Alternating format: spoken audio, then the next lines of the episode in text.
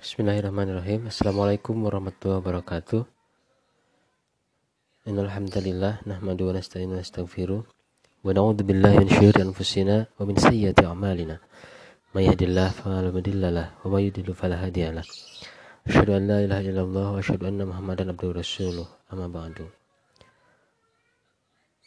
Rekan-rekan Latsar Seperjuangan yang saya cintai, perkenalkan nama saya Dede Khairuddin peserta Latsar CPNS 2021 asal kota Cimahi, angkatan 3 kelompok 4. Dan dosen pengampu atau WI pengampu itu Bapak Dede Pandaswita MSI.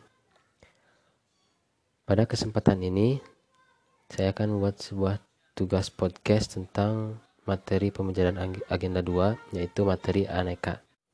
Nah, apa yang dimaksud dengan aneka?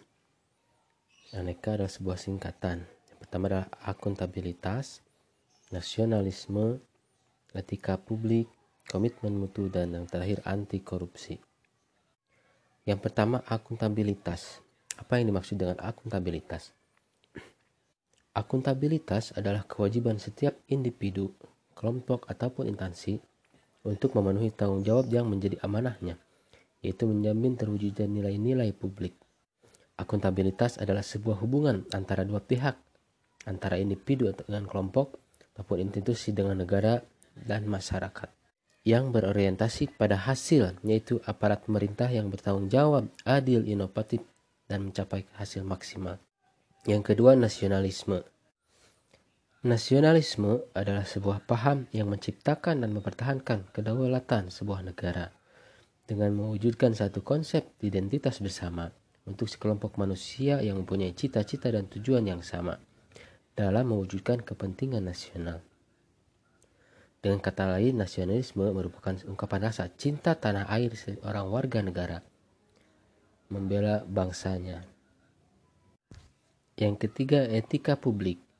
Etika lebih dipahami sebagai refleksi atas baik atau buruk, benar dan salah yang harus dilakukan, atau bagaimana melakukan hal yang baik atau benar.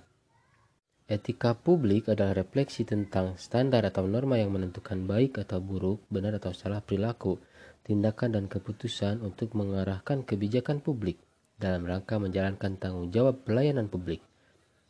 Ident integritas publik menuntut para pemimpin dan pejabat publik untuk memiliki komitmen moral dengan mempertimbangkan keseimbangan antara penilaian kelembagaan, dimensi pribadi dan kebijaksanaan dalam pelayanan publik. Berikutnya komitmen mutu. Komitmen mutu merupakan pemahaman konsep mengetahui efektivitas, efisiensi, inovasi, dan mutu penyelenggaraan pemerintah. Efektivitas organisasi berarti sejauh mana organisasi tersebut dapat mencapai tujuan yang telah ditetapkan.